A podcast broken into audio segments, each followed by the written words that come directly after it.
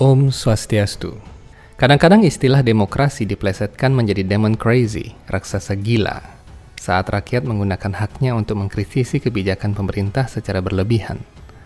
Tatkala pucuk pemerintahan dipimpin oleh seorang kepala negara yang dipilih oleh rakyat, maka menurut sistem demokrasi, pemimpin bertanggung jawab kepada rakyatnya dan rakyat bisa menuntut kepada pemerintah apabila terdapat hal-hal yang tidak patut dalam sistem pemerintahan yang tengah berlangsung. Dengan tugas berat mengurusi keperluan banyak sekali warga negara, sangat wajar apabila pemerintah perlu waktu untuk bekerja. Pada dasarnya karena pemerintah adalah wakil rakyat, maka rakyat juga harusnya bijak dan memahami betapa sulitnya pemerintah bekerja untuk melayani rakyatnya. Barangkali ini terkesan sangat idealis pada zaman ini. Akan tetapi dalam kitab suci Weda dinyatakan bahwa rakyat hendaknya memahami keadaan pemerintah dan menganggap kepala-kepala pemerintahan sebagai seorang guru yakni guru wisesa. Hakikatnya, seorang guru memikul tanggung jawab yang sangat besar, sehingga rakyat hendaknya mendukung guru wisesa dengan semangat, doa, dan kerjasama.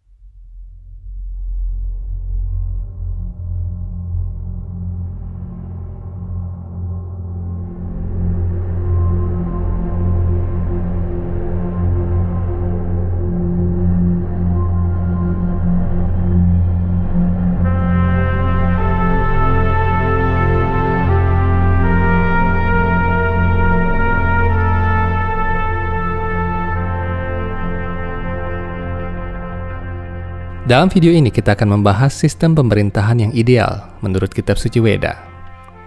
Walaupun Weda menganjurkan sistem monarki atau kerajaan sebagai sistem pemerintahan terbaik, sistem kerajaan menurut Weda sesungguhnya berbeda jauh dengan apa yang selama ini disangka orang. Menurut paham tradisional, sistem kerajaan adalah sebuah sistem absolut di mana seorang raja menjadi penentu hukum dan kebijakan. Segala sesuatu yang ada di kerajaan itu adalah milik raja dan raja memiliki hak kuasa penuh pada segala sesuatunya. Sistem seperti ini dikenal sebagai sistem monarki absolut. Karena perkembangan zaman dan adanya banyak raja yang korup dan menyalahgunakan kekuasaannya, dibentuklah sistem monarki konstitusional, di mana kekuasaan raja dibatasi oleh undang-undang yang dibuat oleh wakil-wakil rakyat atau parlemen. Sistem ini masih berlaku di beberapa negara seperti Inggris, Swedia, Belanda, Thailand, Spanyol, Malaysia, Jepang, dan sebagainya. Sistem kerajaan menurut Weda bukan tipe kedua-duanya. Sistem pemerintahan Vedic ini disebut supervised monarchy atau sistem kerajaan terpantau. Seorang raja disebut Narapati dalam Veda adalah wakil Tuhan di bumi. Raja bertanggung jawab atas segala sesuatu dan semua makhluk yang berada di wilayah kerajaannya. Dengan kata lain, semua itu bukan milik raja, raja hanyalah orang yang bertanggung jawab atas milik Tuhan di bumi ini. Seorang raja dalam sistem pemerintahan Weda memegang kedaulatan tertinggi, akan tetapi seorang raja diatur oleh hukum-hukum Dharma Sastra yang dibuat oleh orang-orang suci atau para Brahmana. Seorang raja wajar dan harus menjadi kaya raya sebab raja harus siap kapan saja membagikan kekayaan itu kepada rakyatnya menurut petunjuk-petunjuk Dharma Sastra. Di sinilah perbedaannya. Dalam sistem monarki konstitusional modern, hukum-hukum dibuat oleh wakil rakyat.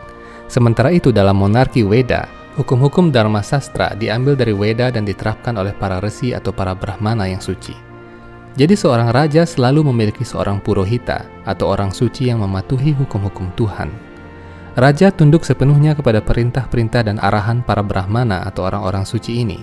Inilah yang disebut sebagai sistem monarki terpantau. Karena hukum-hukum ditetapkan oleh orang-orang suci yang bebas dari sifat-sifat iri hati dan ego yang palsu, maka suatu negara menjadi tentram dan berada dalam sifat kebaikan atau satvika. Para ksatria atau raja menjalankan amanat Tuhan lewat hukum-hukum itu. Dengan kata lain, suatu negara pada hakikatnya dimiliki oleh Tuhan lewat perwakilannya, yakni para resi dan orang-orang suci, dan diatur oleh para ksatria yang juga menjalankan prinsip-prinsip kesucian. Raja tidak memiliki kekuasaan absolut sesuka hatinya karena raja senantiasa dipantau oleh para orang-orang suci yang tekun dalam menjalankan prinsip-prinsip Dharma. Dengan demikian, kekuatan Tuhan turun dalam suatu negara berkat kehadiran orang-orang yang menjalankan kesucian ini.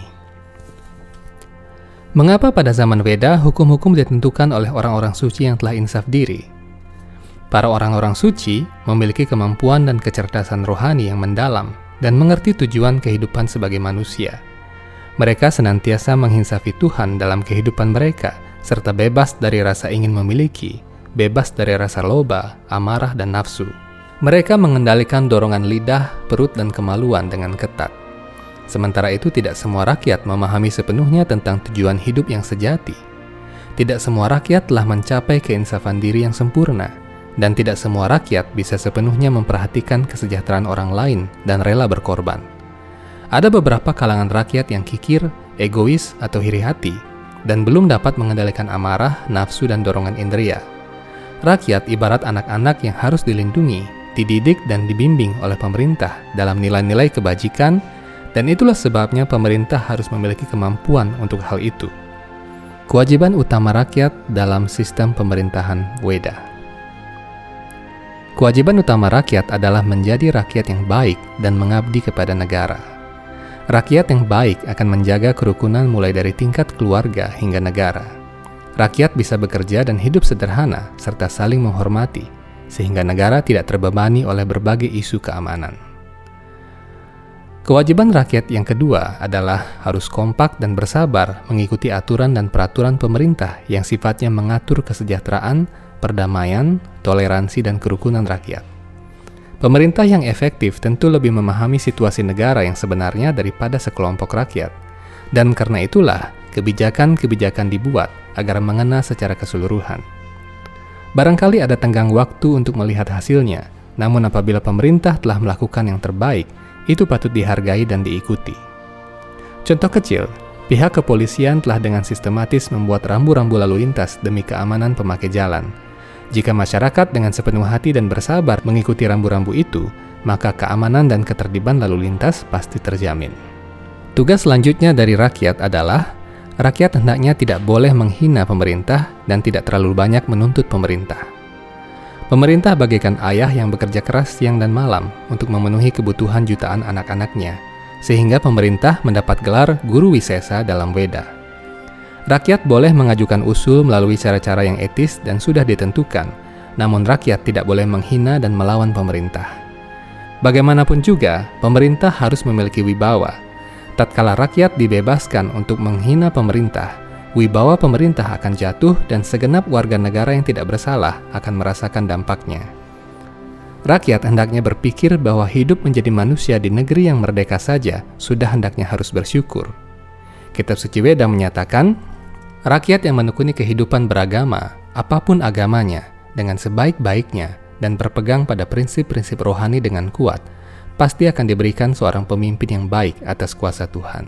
Kemudian, rakyat hanya harus melakukan tugasnya sebagai rakyat dan tidak merongrong pemerintah. Pemerintah adalah salah satu dari empat guru atau catur guru yang memiliki beban berat. Rakyat hendaknya berpikir, sumbasih apa yang telah saya lakukan untuk negara saya? Tidakkah saya malu kepada para pejuang negara saya karena saya ternyata hanya bisa menuntut demi kepentingan saya atau kelompok saya saja? Ini adalah jiwa patriotisme. Merongrong dan menghina pemerintah adalah suatu tindakan yang berdosa dalam hukum Veda Dharma Sastra. Masalah agama, keyakinan, suku, ras, dan sebagainya adalah hak asasi pribadi. Namun ada negara yang memayungi dan melindungi semua itu dengan sama rata. Siapa pun yang berbuat baik dan berjuang demi kepentingan banyak orang hendaknya dihargai, tidak peduli dari mana latar belakangnya. Negara sama seperti sebuah keluarga. Ibu senang memakai baju merah dan anak-anak memakai baju kuning. Walaupun demikian, mereka tetap rukun menjadi satu keluarga yang kompak dan harmonis dalam satu visi dan misi.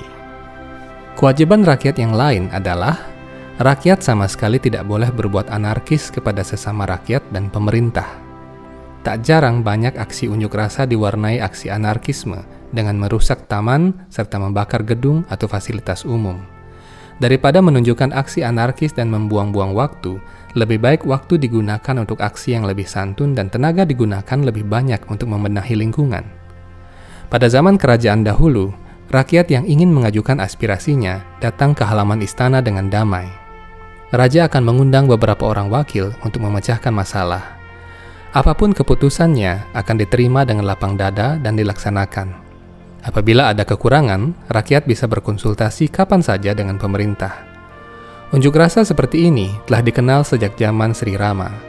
Dengan cara seperti ini, hubungan antara guru Wisesa dan rakyat akan seperti ayah dan anak-anaknya. Dalam kitab suci Weda Dharma Sastra dinyatakan beberapa perbuatan kriminal yang sangat berdosa, yakni menculik istri orang lain, membakar rumah orang lain, merusak tempat umum, menghancurkan tempat ibadah, mengambil kekayaan orang lain, membunuh, meracuni, dan menggunakan ilmu hitam untuk menyakiti orang lain. Semua tindakan kriminal itu merugikan masyarakat dan dikenai hukuman mati dalam Weda Dharma Sastra. Jika rakyat ingin menyampaikan aspirasinya, pemerintah sudah memberikan jalur yang tepat guna. Hanya saja, rakyat harus menyampaikannya dengan santun dan tepat, serta memberikan waktu bagi pemerintah untuk bertindak. Pemerintah juga harus selalu sigap melakukan quick response atas aspirasi rakyatnya. Lalu bagaimana jika kinerja pemerintah memang benar-benar buruk? apa yang harus dilakukan oleh rakyat. Pada intinya, rakyat hendaknya tidak pernah berusaha menggulingkan pemerintah. Ini akan berakibat sangat fatal bagi kelangsungan suatu negara. Seperti kata penyair Hairil Anwar, jika rakyat mencoba menggulingkan pemerintah, maka kitab undang-undang akan tergeletak di selokan. Ini berarti akan ada banyak korban rakyat yang tidak terlibat dalam aksi anarkis itu.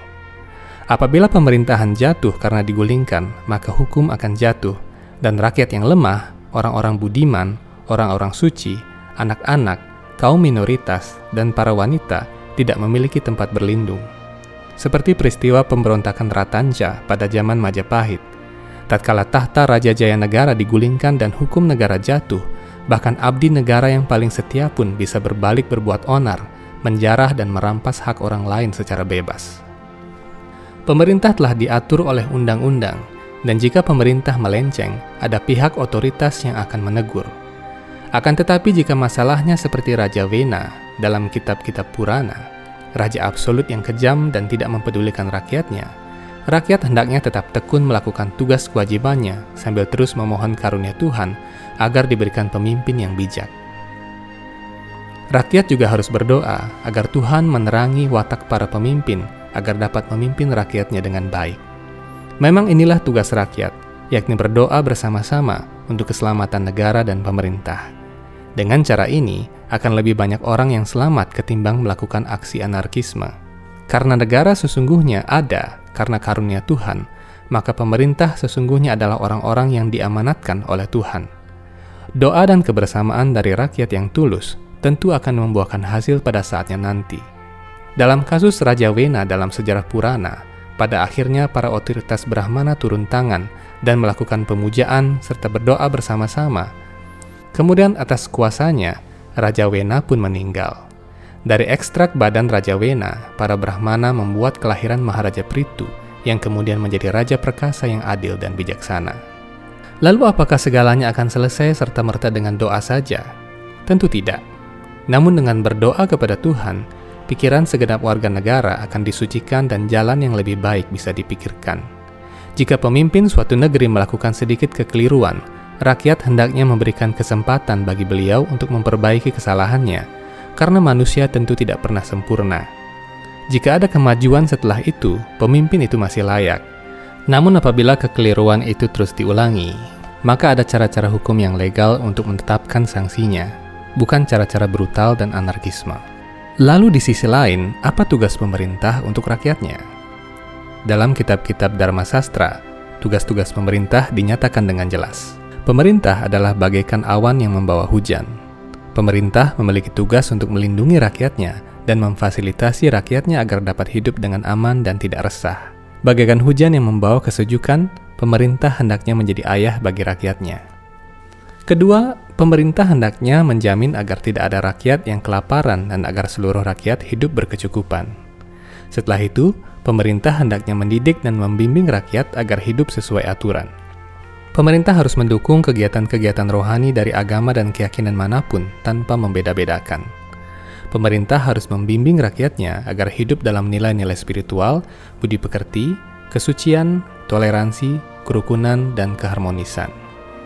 Pemerintah hendaknya tidak boleh melarang aktivitas agama mana pun yang dilakukan rakyatnya sepanjang kegiatan itu tidak merugikan orang lain, tidak mengganggu keamanan, dan tidak memaksa keyakinan kepada orang lain. Tolok ukur kemajuan suatu bangsa bukan terletak pada kemajuan teknologi dan perkembangan ekonomi, namun pada nilai-nilai luhur yang tertanam pada bangsa itu. Tanpa adanya teknologi yang maju, manusia masih layak disebut manusia. Akan tetapi tanpa tegaknya nilai-nilai agama, kesucian, moral, etika, toleransi, cinta kasih, kerukunan, dan keharmonisan, manusia tidak lebih daripada hewan berkaki dua. Karena itu kemajuan peradaban suatu bangsa adalah ketika bangsa itu bisa menegakkan nilai-nilai kemanusiaan dan menjadi contoh bagi bangsa-bangsa lain di seluruh dunia. Seorang pemimpin tentu tidak bisa mengambil kebijakan tanpa berunding dengan masyarakat hingga terbentuk suatu keputusan yang dapat menyenangkan dan menyejahterakan semua pihak. Untuk menciptakan masyarakat yang harmonis dan sejahtera, pemimpin dan rakyat harus selalu bahu-membahu mencari ide-ide cemerlang yang dapat meningkatkan keamanan, kesejahteraan, dan keharmonisan religius dalam negaranya. Apabila pemimpin dan rakyat tidak memiliki konsep seperti itu, akan terjadi banyak hal yang tidak diinginkan dalam masyarakat. Lama-kelamaan, masyarakat akan semakin lemah secara material dan rohani dan akan sangat membahayakan situasi negara. Orang-orang yang ingin menguasai negara akan menyerang dari segala sisi, baik dengan cara fisik, mental, maupun intelektual. Marilah kita saling menjaga Ibu Pertiwi dan saudara-saudara kita yang sejak dahulu dikenal ramah dan religius. Jangan mudah terhasut provokasi yang dapat memecah belah persatuan dan kesatuan. Kita semua hendaknya saling menjaga dan mengawasi satu sama lain. Hendaknya rakyat tidak ikut-ikutan dalam berbagai isu yang belum jelas ujung pangkalnya. Rakyat harus menjadi bagian negara yang cerdas dan ikut bertanggung jawab atas keselamatan negara. Apabila negara dalam keadaan tenang dan damai, maka yang merasakan adalah seluruh rakyat. Jika pemerintah dan masyarakat bekerja bahu-membahu dengan tulus ikhlas, segala permasalahan pasti ada jalan keluarnya. Sisihkanlah rasa ego dan rasa iri bila pemikiran kita tidak diterima, dan mari bersama-sama ikut berbahagia apabila ada saudara yang bisa berkontribusi besar bagi kepentingan bangsa dan negara. Segala sesuatu diciptakan oleh Tuhan Yang Maha Esa, sehingga tugas kita adalah menjaga keharmonisan, rasa saling menghormati, rasa toleransi, tolong-menolong, dan menjaga kesucian di mana pun kita berada. Demikian video Hindu Times mengenai pemerintahan yang ideal menurut kitab suci Weda. Semoga ada manfaatnya untuk Anda. Nantikan video-video lain yang menarik hanya di Hindu Times Channel. Om Santi Santi Santi Om.